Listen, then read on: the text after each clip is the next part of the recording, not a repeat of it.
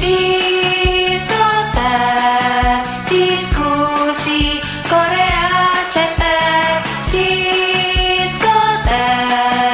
diskusi Korea Anyong Yoro Bunda. Jadi Kamis ini gue mau ngebahas kasus yang baru diungkap sama Dispatch kemarin Which is hari ini sih karena gue rekamannya hari Rabu Kali ini Dispatch bukannya ngumumin ada yang go public ya relationship tapi lebih ke kasus pembulian di masa sekolah yang ternyata dilakukan sama salah satu geng catoknya The Glory yang meranin Isara yaitu Kim Hyora. Ini pagi-pagi kaget banget ya bun. Ya sebenarnya sih kalau gue baca-baca komen ya orang-orang bilang kaget nggak kaget gitu.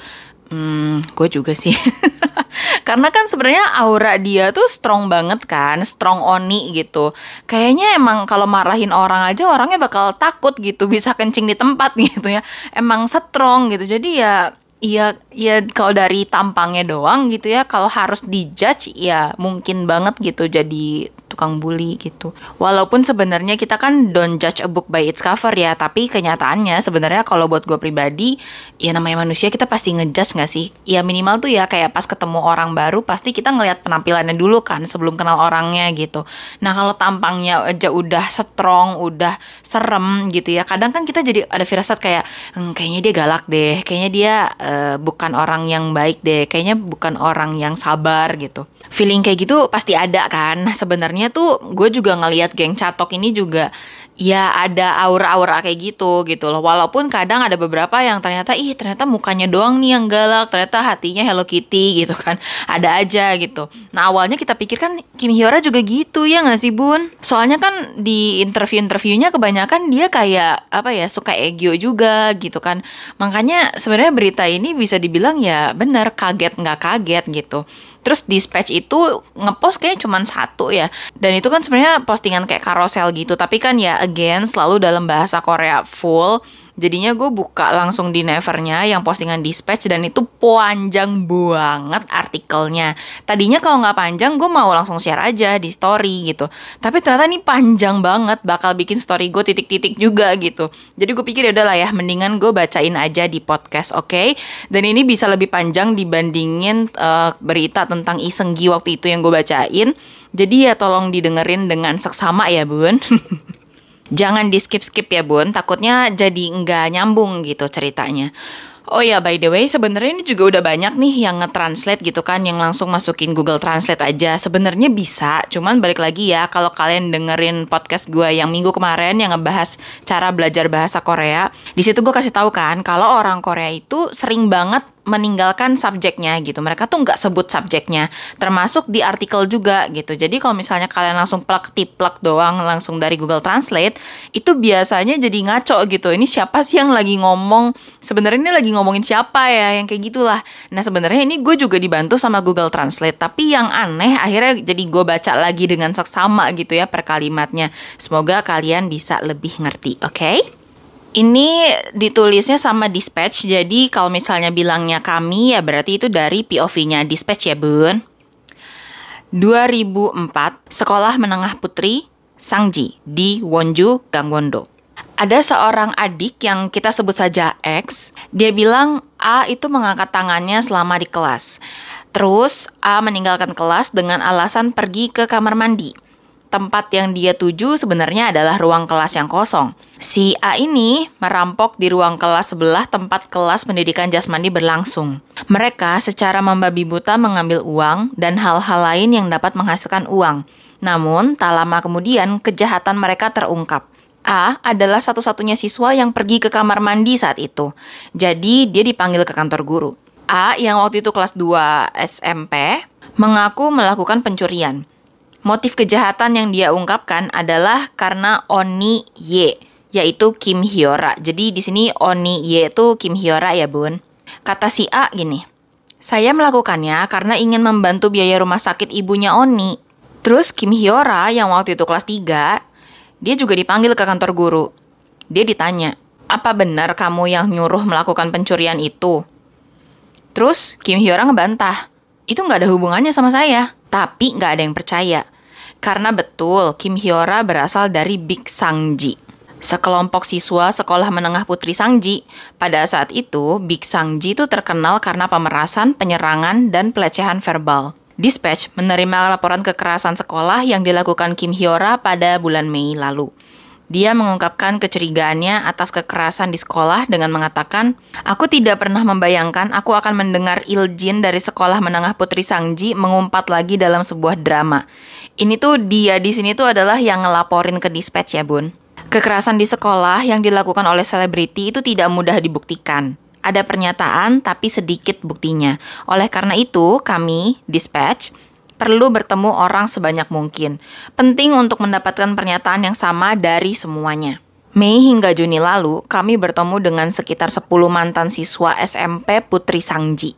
Kami menemui beberapa kasus pembulian. Di antara mereka, hanya beberapa yang bisa dibuktikan. Itulah yang kami pilih. Iljin, pengamat, dan pengabdian masyarakat. Ini gue nggak tahu sih kalimat terakhir maksudnya apa. Cuman ya, ya udahlah ya bun, terima dulu aja ya. Terakhir, saya mendengar cerita tentang orang yang terlibat. Dia ditanya, apakah dia mengingat kenangan tentang korban? Kim Hyora mengaku aktif di Big Sangji, tapi dia secara aktif membantah terlibat dalam penyerangan tersebut. Kim Hyora bilang, apakah dia takut dengan keberadaanku? Aku nggak ingat sama masa-masa itu. Aku nggak pernah mukul siapa pun. Tentu saja, itu nggak berarti aku nggak bertanggung jawab aku pikir aku hidup sebagai pengamat. Jadi kayak dia tuh lebih ya dia nggak ngapa-ngapain nih dia di dalam geng itu. Tapi dia cuma lihat doang gitu. Tapi dia nggak mukul, nggak ngapa-ngapain gitu. Iya, dia adalah anggota Big Sangji. Terus ini kata B. Ada kelompok bernama Big Sangji di sekolah menengah Putri Sangji mereka memeras uang dan memberikannya kepada senior. Senior di sini adalah big sangjinya. Kalau anak yang dibully ini nggak punya uang, mereka akan bicara kasar dan memukuli anak ini. Bahkan Kim Hyora adalah seorang big sangji. Ini kata B ya bun. Big Sangji itu kata gabungan dari Big dan Sangji. Ya tahu sih ya. Cuman ya itulah yang tertulis di dispatch ya bun. Jadi uh, Big itu ya maksudnya kan besar gitu ya kayak senior gitu. Nah Sangji itu nama sekolahnya. Makanya disebutnya Big Sangji nama gengnya mereka gitu. Itu tuh adalah sekumpulan teman bermain di sekolah menengah putri Sangji. Singkatnya itu adalah grup Iljin. Sebenarnya ini terkenal sih kalau kalian sering baca berita tentang Korea ya. Iljin itu ya grup pembuli gitulah sama aja kayak geng catokan di The Glory gitu gampangnya kayak gitu kegiatan utamanya apa ya itu pemerasan mereka menghabiskan uangnya untuk biaya hiburan dalam prosesnya terjadi pelecehan dan penyerangan verbal Kim Hyora adalah anggota Big Sangji. Dia juga meninggalkan pesan di kafe Big Sangji. Kalau di Korea tuh kafe tuh kayak uh, kayak website punya sendiri gitu loh, kayak blog gitu. Disebutnya kafe. Lalu Dispatch memeriksa komentar yang ditulisnya di kafe. Kim Hyora juga mengakui aktivitas Big Sangji. Iya, aku tidak hidup sebagai murid ladan. Memang benar, aku bersenang-senang. Tapi Big Sangji bukan bagian dari grup Iljin. Dia melanjutkan penjelasannya tentang Big Sangji, isinya agak berbeda dengan Big Sangji yang disebutkan sama informan. Pada saat itu sangat populer untuk membuat kafe online dengan teman-teman dekat. Big Sangji adalah nama kafe tersebut. Itu bukan kafe rahasia yang hanya bisa diikuti oleh Iljin. Ini kata Kim Hyora. Terus ada informan yang kita sebut saja C, membantah bahwa hal itu bohong. Siapa pun bisa daftar, tapi nggak semua orang bisa terdaftar. Karena berikutnya, kafe itu menjadi komunitas Iljin. Itu kata C. Terus, si C ini membuat daftar kasus di mana Big Sangji itu memimpin intimidasi di sekolah. Tiba-tiba mereka minta uang. Dengan uang itu, mereka beli rokok, minum alkohol, dan pergi ke karaoke. Mereka juga pakai uang itu untuk membelikan hadiah ulang tahun untuk pacarnya. Kalau aku nggak kasih uangnya, mereka akan melecehkanku lagi. Ini kata C. Big Sangji adalah objek ketakutan. Apakah Kim Hyora juga akan berpartisipasi?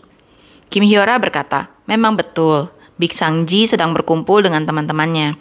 Terus dia juga nambahin, ada kalanya aku juga dipukul oleh seniorku tanpa alasan. Namun aku nggak pernah mukul teman atau juniorku. Ini kata Kim Hyora ya bun. Terus kata Kim Hyora lagi, Oni-oni kelas 3 tuh bisa tiba-tiba minta 100 ribu won. Tapi karena waktunya mepet, mungkin kayak lagi istirahat gitu kali ya kan ada jamnya ya. Jadi kami, ya waktu itu dia masih kelas 2, itu diminta 50 ribu won. Terus mereka yang masih kelas 1 diminta juga 50 ribu won gitu. Terus Kim Hyora juga mengaku selama ini mengabaikan dan meminta maaf. Jadi sebenarnya Kim Hyora tuh kayak tahu tapi dia diem aja gitu nganggapnya ya udahlah ini biasa gitu. Saya tidak berpartisipasi dalam pelecehan atau penyerangan verbal, tapi mengapa nama saya muncul? Apakah saya berada di sampingnya saat itu? Apakah saya berpapasan dengannya? Saya nggak pernah memimpin. Terus Kim Hyora merefleksikan, mungkin karena apa yang terjadi padaku, aku jadi berpikir bahwa penderitaan yang dialami juniorku bukan masalah besar. Terus dia juga nambahin, kalau sekarang aku pikir-pikir, aku merasa itu adalah kesalahan besar bagiku yang hanya menutup mata. Terus ini ada cerita dari X yang tadi di awal itu, dan kejadian pencurian. Semester 1 tahun 2004, Kim Hyora dan siswa tahun ketiga di Sekolah Menengah Putri Sangji, dan X adalah siswa di tahun kedua. Saat itu, ayah Kim Hyora gagal dalam bisnis. Mereka bangkrut, dan tiket merah dipasang di rumah. Sulit untuk menerima tunjangan atau uang jajan. Dia jadi bekerja paruh waktu di sebuah bar makanan ringan. Kim Hyora menceritakan situasi ini kepada juniornya. Dua junior ini adalah X dan Y, yang terkenal dari sekolah menengah Putri Sangji. Persahabatan inilah yang menjadi faktor penentu insiden pencurian kelas 2. Dispatch berbicara dengan X yang terlibat dalam insiden tersebut. Saya bertanya kepada Kim Hyora, kenapa dia kerja paruh waktu? Dia bilang dia dapat masalah di rumah karena dia bangkrut. Saya ingin bantu. Ini kata X ya. Terus X juga nambahin. Saya secara sukarela mencurinya karena saya pengen bikin Oni terkesan.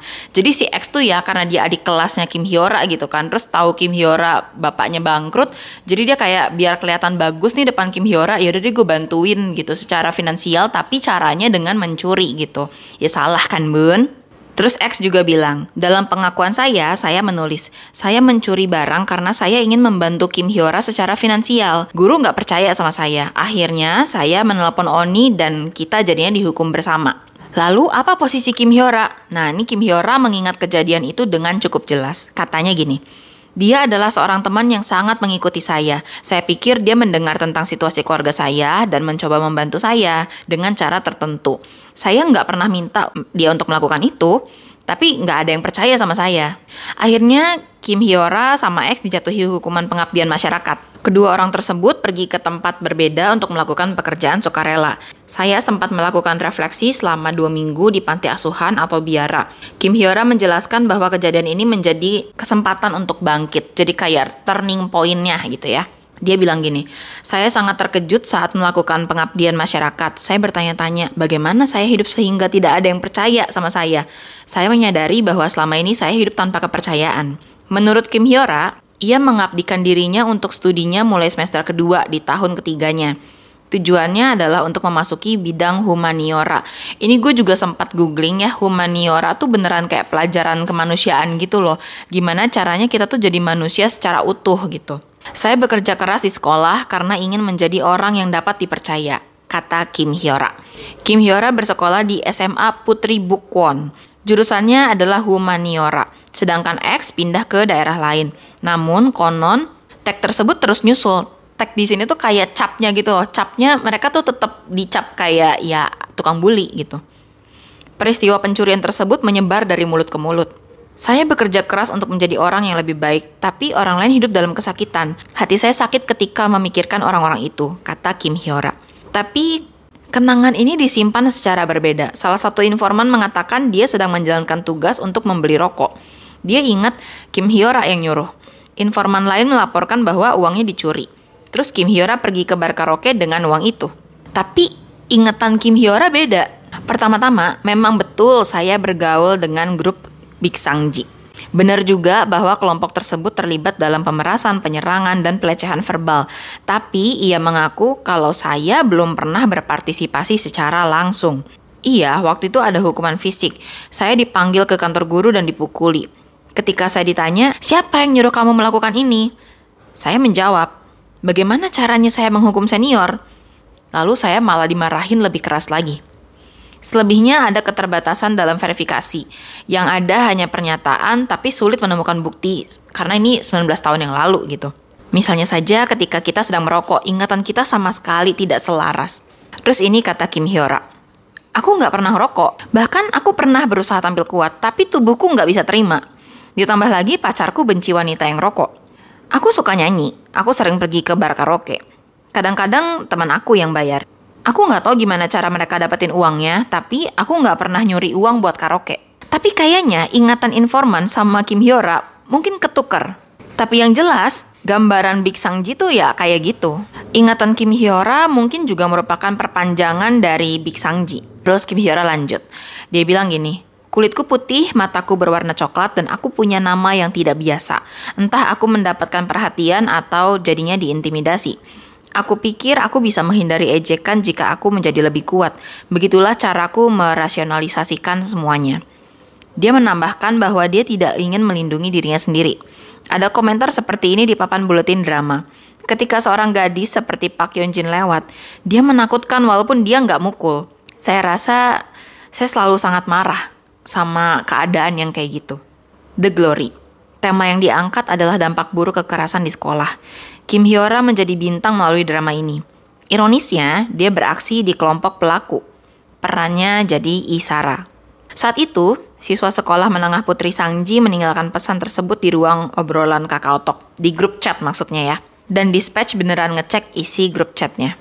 Yang gue baca dari capture-annya tuh kayak gini ya isinya ya. Lo bilang belajar ngomong kasar dari film Ryosang Bom, Apaan dia dari SMP emang gitu? Itu mah aslinya dia. Mukanya, nada ngomongnya, sama persis kayak dulu. Terus kalau dari dispatchnya bilang gini, kamu bertemu dengan karakter hidupmu ya? Bukankah kamu baru saja menggambarkan dirimu yang sebenarnya? Caramu berbicara juga sama. Kamu terlihat seperti saat di SMP. Terus sekarang gimana rasanya Kim Hyora tampil di The Glory? Ini kata Kim Hyora. Maaf, aku sibuk merasionalisasi diriku sendiri. Aku berusaha keras untuk memalingkan muka dan berkata, aku bukan pelakunya. Pikiran-pikiran itu sendirilah masalahnya. Jadi aku pengen minta maaf. Nah, isi wawancara sama Kim Hyora-nya udah sampai situ, terus di bawahnya ada pemberitahuan kalau uh, liputan kami atas tuduhan kekerasan di sekolah Kim Hyora berakhir bulan Juni lalu. Kim Hyora khawatir dengan drama The Uncanny Counter 2 dan dia bilang, aku nggak mau menimbulkan masalah pada drama ini karena kehidupan pribadiku. Waktu itu di Uncanny Counter 2 tuh sedang menunggu untuk tayang. Keringat dan usaha dari banyak pemain dan kru sudah tercurah ke dalamnya. Inilah sebabnya mengapa pelaporan tentang kekerasan di sekolah tertunda selama 3 bulan. Panjang juga ya bun. Aduh gue ngebacain ada kali 20 menit. Tapi semoga jadi lebih clear ya. Jadi ya sebenarnya itu bingung ya Kim Hyora-nya sih bilang enggak ikutan gitu tapi ya dari informan bilangnya ya gue disuruh sama Kim Hyora gitu intinya mah memang apa ya emang auranya strong kali ya. Jadi tuh banyak adik kelas yang pengen kayak dalam tanda kutip menjilat gitu ya biar aman kehidupan di sekolahnya. Iya tapi memang hidup di Korea kan emang keras ya bun. Kayak tadi kan Kim Hyora juga bilang ya Kalau dia tuh sebenarnya dia nggak ngerokok Tapi demi kelihatan strong dia pengen coba ngerokok gitu. Cuman badannya menolak kayak nggak bisa gitu. Di Korea tuh kayak pengen kelihatan kuat Pengen kelihatan keren Pengen kelihatan paling-paling-paling ya ujung-ujungnya setelah kelihatan kuat malah jadi ngebully gitu ya. Sebenarnya gue sih masih respect banget sama dispatch gitu ya. Kita selama ini kan ya cuman kadang tuh nebak-nebak berasumsi sendiri gitu kalau anima dispatch nunggu waktu yang tepat kayak gitu-gitu kan. Tapi sekarang tuh beneran di beritanya ditulisin kalau ya ini karena Kim Hyora-nya juga khawatir gitu sama The Uncanny Counter gitu. Jadinya akhirnya baru dikasih taunya sekarang beneran tepat setelah dramanya beres gitu kan. Terus tadi juga ada Yora Bunda yang ngasih tau gue katanya memang perannya Kim Hyora di Uncanny Counter tuh katanya matinya cepet gitu kayak tiba-tiba diudahin aja gitu. Gue nggak tahu sih ya itu mungkin apa karena pas bulan Mei Juni itu pas lagi syuting adegan itu apa gimana gitu kan jadi langsung diselesain aja cuman gue juga nggak kebayang ya jadi Kim Hyora gimana perasaannya. Dari bulan Juni kayak masa lalu gue udah kebongkar gitu kan. Terus gue nunggu tiga bulan ini dalam ketar ketir kayak gimana nih. Pas akhirnya di reveal semuanya gitu loh. Jadi kayak aduh gue gue juga nggak kebayang sih. Kayak seakan-akan gue tahu nih karir gue bakal hancur nih tiga bulan ke depan. Gimana ya nyiapin dirinya gitu loh nggak kebayang sih gue. Walaupun ya ya memang perlakuan dia ya nggak baik ya selama di sekolah gitu. Ya ini salah satu karmanya gitu. Walaupun ada yang bilang kenapa sih selalu dibongkarnya pas udah terkenal? Ya karena kalau belum terkenal si informan-informan ini juga masih kayak mikirnya oh ya dia juga masih susah gitu jadi aktris. Kebayangkan Tapi begitu dia sukses, apalagi di The Glory gitu kan, namanya naik banget, terus di mana-mana tayang gitu kan, muncul di mana-mana di segala interview, bahkan dia juga jadi banjir tawaran drama gitu. Otomatis si korban ya jadi panas dong, kayak ih apaan kok sekarang dia sukses sih? Ya, ya menurut gue mah manusiawi ya bun. Kenapa kita akhirnya nge-revealnya pas dia udah sukses gitu. Cuman gue nggak tahu nih ada yang bilang juga sebenarnya tuh sebelum mulai drama The Glory katanya tuh pihak produksi udah ngelakuin background check gitu. Jangan sampai ada yang beneran emang pelaku pembulian gitu. Karena sebenarnya di Korea tuh ya kayaknya emang setiap sekolah pasti ada aja gitu loh yang jadi pembuli gitu. Jadi ya harus dilakukan background check itu. Cuman ya mungkin yang lakuin background check nggak sejago dispatch gitu loh. Ini dispatch ya menurut gue ya, dia sih emang berkecimpungnya lebih ke arah urusan selebriti gitu ya. Sebenarnya kalau urusan politik gue nggak tahu deh mereka mungkin ada rasa takut juga kali ya. Tapi ini dispatch tuh bener-bener udah kayak FBI-nya artis Korea deh asli beneran emang ini ya menurut gue sih kenapa ada dispatch ya karena ada cancel culture Korea gitu atau mungkin ya ini gue nggak tahu lah siapa yang ayam siapa yang telur nih siapa yang duluan gitu cuman ya memang sebenarnya cancel culture ini gue sih jujur aja ya suka ya sama cancel culture di Korea. Jadi istilahnya kayak yang masuk TV tuh ya harus panutan gitu. Dia nggak cuma panutan secara body goals atau mukanya cakep cantik gitu tapi secara kepribadian gitu ya mereka sehari-harinya kayak gimana gitu menurut gue harus jadi panutan juga jadi mereka bener-bener kayak memfilter orang-orang yang baik dan benar aja gitu yang ada di TV gitu istilahnya orang-orang jahat atau yang nggak bener gitu ya dalam hidupnya ya jangan dikasih panggung gitu Makanya kenapa gue senang banget sama cancel culture-nya di Korea gitu. Beda banget kan bun sama di kita. Di kita mah malahan karena nggak ada cancel culture kali ya. Jadinya tuh ya digedein sensasinya daripada prestasi gitu loh. Kayak Kim Hyora segimana bagusnya dia acting pun kalau kelakuan di masa lalunya kayak gitu ya ya nggak bisa dibenerin juga gitu. Nggak bisa dibelain. Walaupun agensinya udah bilang enggak Kim Hyora nggak ikutan segala macam tapi dispatch punya foto-fotonya bahkan punya foto dari grup chat teman-temannya juga gitu. Nah ini gue bacain aja ya bantahan dari agensinya Kim Hyora Halo, ini Gram Entertainment, agensinya Kim Hyora. Lebih dari segalanya, kami mohon maaf karena telah menimbulkan kekhawatiran banyak orang dengan berita mendadak terkait Kim Hyora yang dirilis hari ini. Mengenai pemberitaan media terhadap Kim Hyora, kami ingin menyampaikan posisi agensi kami sebagai berikut. Pertama-tama, kami ingin memberitahu Anda dengan jujur bagaimana laporan tentang Kim Hyora dirilis dan tuduhan terhadapnya yang diangkat dalam laporan tersebut. Memang benar Kim Hyora bergabung dengan komunitas sekolah online bernama Big Sangji bersama teman-temannya ketika dia masih menjadi siswa di SMP Putri Sangji dan dia bergaul dengan anggota dari grup tersebut. Namun, kami ingin mengklarifikasi bahwa semua tuduhan lain yang dilaporkan dan diangkat oleh media tidaklah benar. Perusahaan media yang merilis laporan tersebut menghubungi kami, memberitahu bahwa ada informasi tentang Kim Hyora. Mereka ingin kami meninjaunya sebelum menerbitkannya. Ingatan Kim Hyora dan informan tidak jelas, sehingga memberikan kesempatan kepada Kim Hyora untuk menjelaskan cerita dari sisinya. Kim Hyora mengunjungi outlet media tanpa ada pejabat perusahaan yang bergabung dengannya. Dan dengan jujur menjawab pertanyaan dari outlet media bersama tiga reporter mereka. Bertentangan dengan judul artikel yang dirilis media hari ini, Kim Hyora tidak mengakui atau mengambil bagian dalam aktivitas intimidasi tersebut. Dia tidak pernah terlibat dalam kekerasan di sekolah. Kami ingin mengatakan sekali lagi bahwa ini adalah apa yang dikatakan Kim Hyora ketika dia berbicara dengan media. Selain itu, baik media maupun Kim Hyora mengetahui bahwa komentar yang diberikan informan berasal dari kesalahpahaman dan kesalahan dalam mengingat peristiwa. Informan menyelesaikan kesalahpahaman tersebut, meminta maaf kepada Kim Hyora dan memberitahu media mengenai hal itu.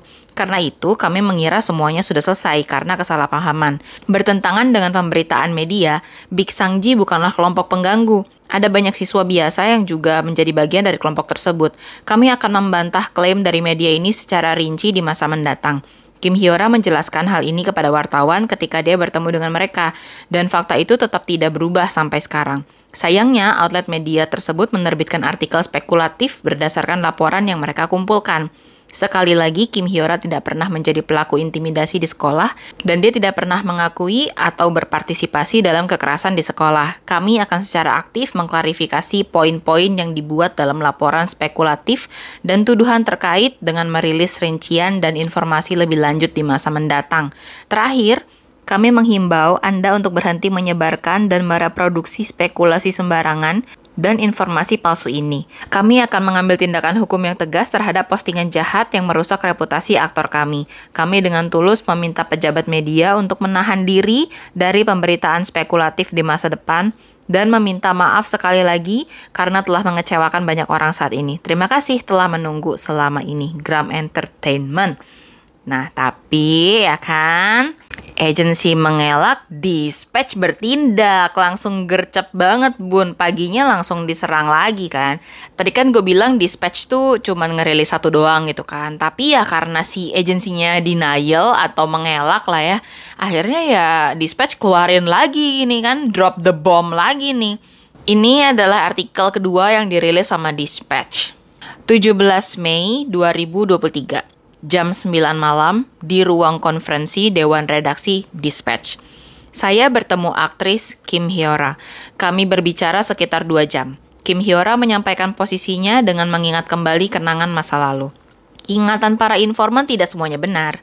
Hal yang sama berlaku juga untuk ingatan Kim Hyora. Membuktikan ingatan adalah tugas yang sulit. Dispatch menerbitkan berita tentang Big Sangji, community service, dan bystander yang diakui secara pribadi oleh Kim Hyora. Kami telah mengecualikan kasus pembulian yang tidak dapat diverifikasi. Agensi Kim Hyora menyebut berita ini sebagai spekulasi. Namun, berita tersebut tidak menyimpang dari surat tulisan tangan Kim Hyora. Kami mengungkapkan surat tulisan tangan yang diberikan Kim Hyora kepada kami setelah wawancara. Karena pengakuan dan refleksi Kim Hyora, kami bisa menunggu lebih dari tiga bulan. Girls, ini tuh sebenarnya dispatch tuh udah kayak yang, eh gue udah sabar nih ya, nggak keluarin ini waktu Uncanny Counter belum tayang gitu ya. Lo harusnya makasih gitu loh. Karena yang gue bilang juga ya dispatch tuh sebenarnya masih ada rasa kasihan juga gitu loh ya masih respect lah gitu tapi ini si agensinya kayak malah mau nuntut balik dispatch gitu ya nanti kita lihat aja siapa yang menang gitu dispatch tuh kalau lo lawan keluar semua bun boroknya lu mau dibongkar semua gitu aduh Terus ini Dispatch juga kasih uh, translatean, nggak translate sih. Pokoknya di artikel itu dia tulis lagi tulisan tangannya Kim Hyora. Yang artinya, ini lumayan panjang ya bun, jadi tolong disimak lagi. Kepada reporter Kim Sojong. Hari ini menjadi cukup panas. Saya mohon maaf dan berterima kasih telah meluangkan waktu dan tenaga meskipun Anda harus sibuk dalam cuaca yang bagus ini. Ada banyak hal yang ingin aku katakan, tapi seiring berjalannya waktu dan aku bertemu dengan seorang teman bernama Pip Pip. Emang disensor ya bun dari sananya. Aku menyadari bahwa tidak ada gunanya banyak bicara lagi. Jadi walaupun mungkin merepotkan, aku akan meninggalkan sedikit cerita untuk reporter. Aku menghabiskan waktuku dengan meragukan diriku sendiri karena aku tidak dapat mengingat pengembaraan di masa remajaku yang belum dewasa. Aku merasa sangat malu dengan kehidupan itu, dan aku menyalahkan diriku sendiri karena itu.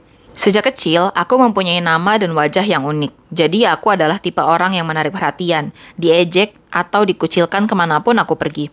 Namun, saat aku masuk SMP dan masuk kelas 2, meskipun itu bukan kemauanku, banyak masalah muncul karena hal-hal yang berkaitan dengan sepupuku. Aku tidak bisa menyuruh mereka untuk meninggalkanku sendirian, dan kupikir aku menjalani hidupku dengan menilai dari sudut pandang yang tidak dewasa, bahwa lebih baik diperhatikan dan mendapat perhatian daripada digoda dan diganggu. Namun, alasan kenapa aku memutuskan untuk mencoba ke dunia pertelevisian dan masuk ke drama adalah karena aku mempertaruhkan hati nuraniku, dan sama sekali tidak pernah menikmati jadi bystander ya maksudnya ya, melecehkan atau memukul orang yang lebih lemah atau terpinggirkan dengan jahat. Itu ketulusan hatiku. Aku pikir itu karena aku ingin menang. Karena waktu itu aku masih muda dan kurang mampu menilai di tempat yang kita sebut sekolah. Di mana jika kita melakukan kesalahan, kita dimarahin guru, kita belajar pada waktu yang teratur, dan pelajaran yang terstruktur. Di masa itu, aku banyak melakukan kesalahan di sana. Aku bukan murid ladan, dan kejadian ini membuatku sadar, mengenali, dan merenungkan kenyataan bahwa kelompok yang mereka bicarakan atau keberadaanku bisa saja menjadi sebuah objek ancaman atau ketakutan kepada seseorang. Tapi ketika aku masih muda, saat bersekolah, aku diajar banyak oleh guru-guruku. Dan aku ingin dipercaya oleh guru-guru itu. Jadi aku benar-benar mengambil keputusan dan dari semester kedua di tahun ketiga, aku ingin menjadi orang yang lebih baik dan seseorang yang dapat dipercaya. Jadi aku bekerja keras di sekolah dan mempelajari keahlianku mulai dari SMP. Aku menjalani hidupku dengan berjuang untuk menjadi orang yang mencari dan membawa pengaruh baik. Aku sering berpikir ketika mendengar teman-teman melaporkanku bahwa aku adalah pemimpin kelompok tersebut. Dilihat dari sudut pandang lain, aku masih cenderung pendiam dan mandiri dalam bertindak. Sehingga aku terlihat malu atau takut dengan kesan pertama. Atau mungkin mereka menganggapku berkarisma, sehingga mereka cenderung menghormatiku.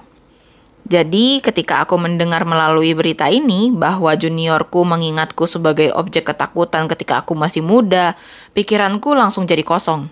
Aku nggak pernah membayangkan itu karena aku nggak memukul teman-temanku dan tidak bertindak secara paksa atau bahkan sebagai penghasut.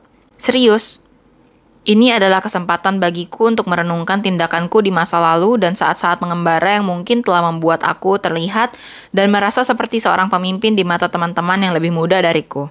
Dan aku mengingat kembali masa kecilku yang sunyi ketika aku bisa sering merefleksikan diri, menyalahkan diri sendiri, dan melaluinya dengan rasa puas diri. Sekarang aku sudah dewasa, aku tidak dapat membayangkan lebih jauh lagi karena kepribadian ini menjadi kekuatan dan motivasiku. Kini, kepribadian-kepribadian tersebut telah membantuku menekuni berbagai hal, berbuat baik, berkomunikasi, bekerja keras, untuk hal-hal yang dapat bermanfaat bagi teman-teman yang sedang mempersiapkan diri menjadi aktor, masyarakat kurang mampu, dan berusaha hidup baik dengan menemukan hal-hal yang ingin kulakukan dan hal-hal yang perlu kulakukan. Dan itulah caraku hidup. Aku tidak mengatakan bahwa aku baik di masa lalu. Namun, aku mengakui ketidakdewasaanku, tetapi aku ingin memberitahu Anda bahwa aku tidak pernah menyakiti seseorang tanpa alasan apa pun. Dari saat aku menyadari bahwa hari-hari mengembara itu adalah waktu yang salah, aku tidak bisa kembali ke masa lalu, tapi aku berpikir dan bekerja keras dan memikirkan tentang apa yang harus aku lakukan untuk menjadi orang yang lebih baik dan orang dewasa yang baik. Dan sepertinya aku selalu menjalani hidupku sambil memikirkan itu. Aku akan sangat menghargai jika Anda ingat bahwa aku berusaha menjadi orang dewasa yang baik. Ini mungkin terdengar seperti membuat alasan, karena aku membicarakannya secara tertulis. Tetapi karena Anda telah menggunakan waktu Anda yang berharga, kejadian ini tidak dapat dilupakan. Aku tidak bisa memutar kembali masa laluku, tapi aku bekerja keras untuk menjadi orang dewasa yang matang setelah mengembara selama masa sekolahku, dan mengejar karir akting yang sangat kuinginkan. Aku mencoba hidup dengan merangkul orang-orang dan berbagi banyak hal dengan mereka. Jika Anda memberi aku sedikit kesempatan, aku ingin menunjukkan kepada Anda karya yang lebih baik. Atau jika Anda tidak ingin aku bekerja lagi, aku ingin menunjukkan kepada Anda perkembangan aku selama ini. Tolong bantu aku sekali ini saja. Aku akan hidup dengan membayar semua kesalahanku. Terima kasih telah membaca artikel panjang ini. Aku minta maaf dan malu karena aku tidak bisa bertemu denganmu untuk sesuatu yang baik. Terima kasih telah meluangkan waktu untuk makan bersama hari ini.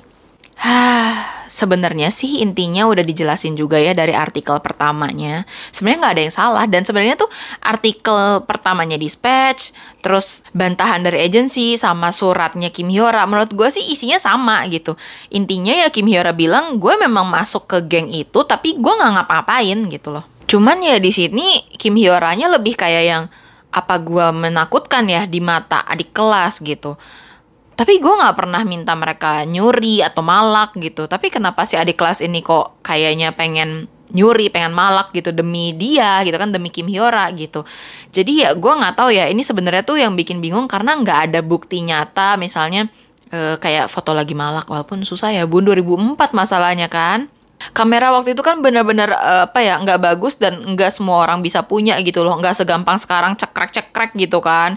Ya kalau zaman dulu jadinya cuma foto-foto di sekolah doang gitu. Cuman foto-foto Kim Hyora sama gengnya itu Big Sangji cuman ya jadinya nggak ada bukti yang secara nyata gitu. Dan ditambah lagi bisa gue bilang ini pembuliannya juga lebih ke arah yang malak yang yang nyuri gitu ya kalau yang lain tuh kan pembuliannya benar-benar ada pelecehan seksual, yang bisa ada kekerasan juga gitu loh. Kalau ini kan masih kekerasannya secara verbal gitu kan. Kalau yang lain-lain tuh ada lebam-lebam di tangan lah gitu ya. Jadi ada buktinya gitu. Kalau ini tuh sebenarnya agak bingung dan di situ juga dispatchnya juga nulis gitu kan. Kalau ngebahas soal ingatan ya susah dibuktiin gitu karena ya siapa aja bisa bohong sebenarnya. Cuman segitu pun dispatch tuh udah kayak ngefilter lah ini yang menurut kita bisa diverifikasi gitu loh. Jadi sebenarnya gue nggak tahu nih kebenarannya tuh kayak gimana gitu ya.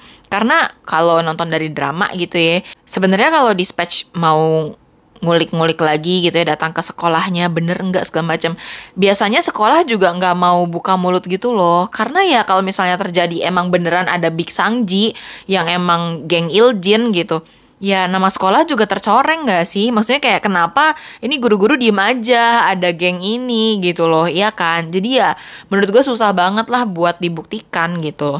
Terus gue juga sempat baca ada yang komen gini ya kayak yang kalau lu di dalam geng itu ya berarti lu setipe lah sama anak-anak geng Iljin itu gitu loh. Tapi terus ada lagi yang balas gitu di bawahnya. Aku temenan sama temen aku yang suka bully, tapi aku nggak ikutan ngebully. Aku malah yang bagian minta maaf. Ini gue bingung deh sama dia deh. Kayak menurut gue ya, lingkungan itu adalah yang membentuk kita gitu loh. Dan menurut gue nggak bisa orang yang satu suka ngebully terus satunya malaikat gitu temenan. Menurut gue nggak bisa nggak bisa banget pun. Gue nggak nggak make sense gitu nggak masuk di akal gue. Misalnya kayak gue gue nggak gue nggak suka bully orang. Ya gue cinta damai lah walaupun gue belum level malaikat kayak Pak Bugom gitu ya. Cuman tuh gue juga nggak mungkin bisa temenan sama yang suka ngebully gitu loh. Yang ada kan gue gengges sendiri. Ya kayak lu ngapain sih gangguin anak orang? Iya nggak sih? Yang ada tuh kita malah ngasih tahu si temen ini gitu loh. Jadi gue rada nggak ngerti tuh sama si orang yang komen itu. Bilangnya dia temenan sama tukang bully tapi dianya nggak ikutan. Terus dia yang minta maaf. Kayak menurut gue salah. Lu juga ngapain jadinya jatuhnya ikut campur urusan orang gitu loh temen lu yang salah ngapain lu yang minta maaf? Temen lu selamanya bakal jadi nggak dewasa karena dia yang berbuat tapi bukan dia yang bertanggung jawab gitu loh. Gue jadi ikutan panas. Karena ya menurut gue ya kita tuh temenan juga e, cocok-cocokan kan? Ya kalau satu hobinya apa satu hobinya apa beda hobi aja tuh bisa nggak nyambung ya nggak sih? Misalnya kayak gue suka Korea terus temen deket gue nggak suka Korea ya bisa nggak nyambung bun gitu. Kadang kan harus ada yang menyatukan kita kan. Terus yang ini satu suka ngebully satu enggak gue sih merasa kayak nggak mungkin lu berdua cocok gitu loh. Aneh banget. Ini antara yang ngebully setoran ke yang nggak ngebully apa gimana gitu. Gue jadi nggak bisa berpikir jernih itu kan aneh banget. Nah ini gue setuju sih sama yang komen pertama gitu. Ya lu kalau nggak ngebully ngapain lu ada di geng itu? Terus kalau misalnya lu ngeliat temen lu ngebully orang, ya kenapa lu juga diem aja gitu loh. Itu sih menurut gue. Cuman ya kalau dari artikelnya ya, yang gue tangkep lebih kayak ya nama dia aneh. Karena kan namanya empat suku kata ya sedangkan di Korea tuh ya jarang yang empat suku kata kebanyakan tiga kan. Jadi dari situ aja udah aneh. Terus dia bilang e, kulitnya putih. Di Korea rata-rata putih ya bun. Terus matanya coklat. Nah, mungkin yang matanya coklat jarang kali ya. Jadi katanya dia di mana-mana tuh ya diejek, diintimidasi gitu. Nah, dari situ gue tangkepnya ya, kayaknya tuh si Kim Hyora ini ya yang tadi dia bilang juga di suratnya ya. Ya daripada gue diintimidasi, ya mendingan gue nggak diganggu sama geng ini gitu. Dengan cara apa ya? Dengan cara temenan gitu. Kayaknya sih kayak gitu gitu ya. Kayak ah daripada gue ikutan dibully mendingan gue jadi geng pembuli gitu. Kan ada ya bun. Sebenarnya kayak uh, di sekolah gue sih nggak ada geng bully gitu sih. Tapi kayak geng populer gitu lah ya. Dan ada tipe-tipe orang yang sebenarnya nggak populer tapi dia pengen kelihatan akhirnya berusaha masuk ke geng populer gitu gitu loh ada kan pasti kan di setiap sekolah kayaknya harusnya ada deh maksa cuman ya itu ya menurut gue mungkin posisinya Kim Hyora tuh kayak gitu gitu dia nggak ngebully, dia nggak melakukan kekerasan, tapi ya dia ikutan geng itu biar kelihatan keren gitu. Daripada gue jadi yang dibully, mendingan gue jadi temennya yang ngebully gitu. Cuman ya, ya balik lagi ya bu, namanya artis di Korea kan kayak harus level malaikat ya, harus suci dan bersih gitu kan. Jadinya ya istilahnya walaupun temenan aja ya udah salah gitu kayak ya lu tetap salah gitu dan menurut gue ya ini juga kan uh, dia udah tulis kayak uh, udah keluar dari beberapa project iklan terus dia juga udah nge beberapa drama akhirnya gitu kan ya itulah cancel culture-nya Korea gitu loh. Karena ya sebenarnya brand-brand itu pun yang endorse dia ya jadi takut dong. Image-nya bakal ke bawah turun gitu loh, ke bawah jelek. Waktu Yuain ada kasus drugs aja itu langsung semua brand yang majang foto dia langsung ganti fotonya. Langsung mendingan gak pakai foto lah gitu di tokonya gitu. Karena emang image tuh sepengaruh itu sepowerful itu apalagi di Korea gitu ya. Jadi ya eh, emang kayaknya nih minimal Kim Hyora ya walaupun si agensinya masih ngelak segala macem ya pasti hiatus setahun mah ya udah pasti sih menurut gue. Terus kalau misalnya agensinya menang gitu ya eh, ngelawan dispatch lewat jalur hukum gitu. Misalnya emang terbukti emang Kim Hyora nggak ngapa-ngapain kok dia cuma gabung geng doang gitu. Tetap aja loh menurut gua untuk produser ngerekrut dia itu tetap beresiko. Karena sebenarnya ini bukan pertama kalinya ya bun tapi aktor-aktor dari dulu gitu ya yang punya kasus itu tuh pasti ya sepi job dulu lah. Karena produser tuh bakal mikir-mikir banget. Ini kalau gua rekrut dia kalau gua casting dia ya sekarang sih mungkin dipikir sama masyarakat masalahnya kelar gitu tapi kalau tiba-tiba gue udah casting dia udah syuting drama, eh misalnya tiba-tiba ada korban lain yang speak up gitu loh. Gimana? Ruginya bisa double-double gitu loh. Udah mah harus ganti pemain, harus syuting ulang gitu kan. Itu budgetnya juga gimana gitu kan. Harus bayar gaji lagi tambahan buat lembur gitu. Jadi um, biasanya sih ya produser pun gak mau ngambil resiko itu. Terus ditambah aktor-aktor lainnya pun gak mau ngambil resiko itu gitu loh. Adalah beberapa aktor yang sempat kena kasus, terus ya akhirnya ya namanya bersih tapi namanya pernah kotor ya bun nggak bisa yang super bersih lagi kayak nggak pernah terjadi apa-apa gitu loh akhirnya ya buat cari lawan main pun susah gitu loh aktor aktris lain pasti cek lagi gitu kayak ini gue bakal mainnya sama siapa aja gitu. Apalagi zaman sekarang ya banyak banget kasus macem-macem gitu. Pasti lebih selektif lagi gitu loh kayak ini gue bakal main sama siapa aja ada yang pernah kasus enggak gitu. Karena ya pengaruh ya bun. Misalnya udah lewat pun kasusnya kadang kan kita masih ke bawah gedek gitu kan. Masih ke bawah kesel kayak ah itu kan dia pernah kasus ini gitu loh. Ya sama aja lah inget gak sih kayak yang jadi papahnya Enje di Dokrom 3 itu kan pernah kasus kan walaupun udah berapa puluh tahun yang lalu tapi tuh ya ada aja lah orang yang masih kayak aduh gue males liat dia nih dia kasus nih dulu gitu loh.